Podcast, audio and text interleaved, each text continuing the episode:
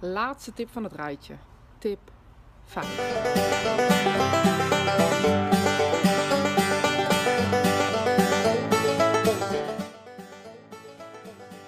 In tip 1 hebben we gekeken waar zit mijn gevoel. In tip 2 zijn we aan de slag gegaan.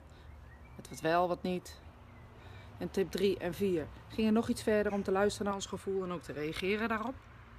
En in tip 5 gaan we aan de slag met experimenten met je gevoel. Hoe dan? Als volgt. Je gevoel is een soort instrument die veel breder is dan jezelf. Uh, dat klinkt raar, dat klinkt zweverig, maar het is echt zo.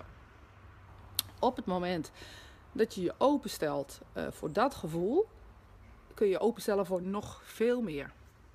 En een van de dingen is de volgende. Stel je hebt kinderen en die zijn buiten aan het spelen en je hebt geen tijd afgesproken met ze. Gewoon gezegd, nou, ik roep je wel. Ga dan eens oefenen om elke dag heel sterk aan hun te denken dat ze binnen moeten komen.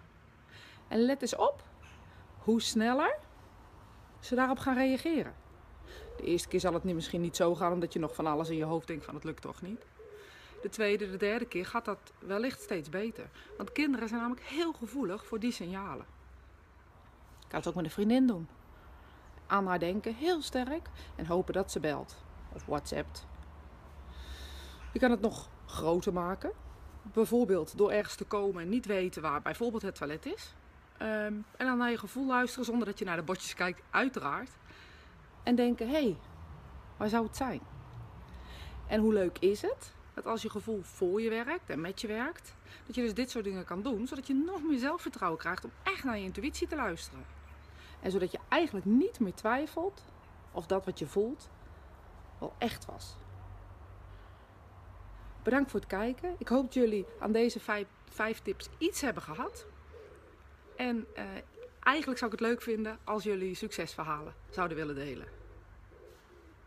Tot snel!